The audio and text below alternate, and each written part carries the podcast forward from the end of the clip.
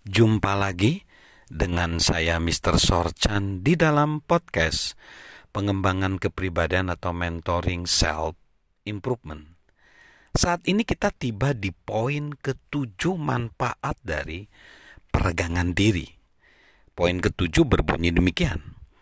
Peregangan diri memberikan arti penting kepada kita. Peregangan diri memberikan arti penting kepada kita. Negarawan India Mahatma Gandhi mengatakan demikian. Perbedaan antara apa yang kita lakukan saat ini dengan apa yang seharusnya mampu kita lakukan sudah cukup untuk menyelesaikan sebagian besar persoalan dunia. Perbedaan tersebut adalah kesenjangan antara baik dan jahat. Dan yang dapat menutup kesenjangan itu adalah kesediaan kita untuk meregangkan diri. Maksud saya, perbedaan tersebut adalah kesenjangan antara yang baik dan yang hebat.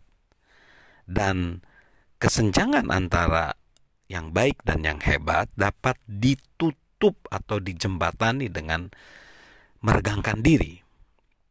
Sahabat Mr. Sorchan, orang-orang yang berada di sisi baik kesenjangan tersebut hidup di daratan perizinan.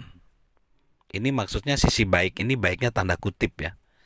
Jadi orang-orang yang berada di sisi baik tanda kutip kesenjangan tersebut dia hidup dia hidup di dar di daratan perizinan. Apa yang mereka lakukan adalah baik. Mereka mengikuti peraturan dan tidak membuat ulah. Tetapi apakah mereka menghasilkan perbedaan yang seharusnya dapat mereka raih bila mengikuti hukum karet gelang atau hukum peregangan? Sahabat Mr. Sorchan, seberangilah kesenjangan tersebut dan sahabat akan mendapati diri sahabat berada di sisi hebat. Itu adalah daratan kemungkinan. Di sanalah orang meraih prestasi secara luar biasa. Mereka melakukan lebih dari apa yang mereka percaya mampu mereka lakukan, dan mereka menghasilkan pengaruh. Bagaimanakah caranya? Dengan terus-menerus memusatkan perhatian untuk melakukan peregangan berikutnya. Mereka selalu meninggalkan zona nyaman mereka dan melebarkan jangkauan ke zona kapasitas mereka. Sahabat Mr. Sorchan, filsuf Soren Kierkegaard mengatakan, sebuah kemungkinan adalah suatu petunjuk dari Tuhan. Seseorang harus mengikutinya. Nah, sahabat Mr. Sorchan, jalur kemungkinan tersebut adalah kesempatan yang diberikan Tuhan kepada kita untuk menghasilkan perbedaan. Saat kita mengikutinya, kita berhenti mengajukan pertanyaan, "Siapa diri kita saat ini?" dan mulai menanyakan akan seperti apa kita kelak. Kita mungkin menghargai apa yang kita lakukan kemarin, tetapi kita tidak memujanya itu akan terlihat kecil dibanding dengan kemungkinan di masa depan. Memandang jauh ke depan memenuhi kita dengan energi.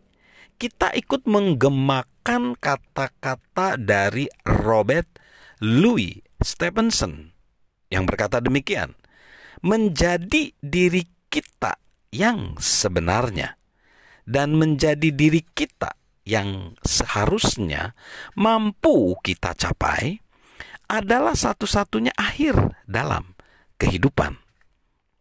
Sahabat Mr. Sorjan, merasa penting muncul dalam batin sahabat masing-masing jika sahabat bersedia untuk meregangkan diri. Benih tersebut akan bertumbuh hingga mulai menghasilkan buah dalam kehidupan sahabat. Yang mengagumkan adalah bahwa perubahan dalam diri sahabat tersebut menantang sahabat untuk melakukan perubahan di sekeliling sahabat. Dan pertumbuhan sahabat menciptakan suatu keyakinan dalam diri bahwa orang lain juga dapat bertumbuh. Ketika itu terjadi dalam suatu lingkungan dan semua orang meregangkan diri dan bertumbuh, sikap masa bodoh digantikan oleh sikap menghasilkan perubahan. Dan seperti itulah cara kita mulai mengubah dunia kita. Salam untuk meregangkan diri, salam untuk membuat perubahan, salam untuk bertumbuh senantiasa. Salam sehat selalu dari saya, Mr. Sorchan.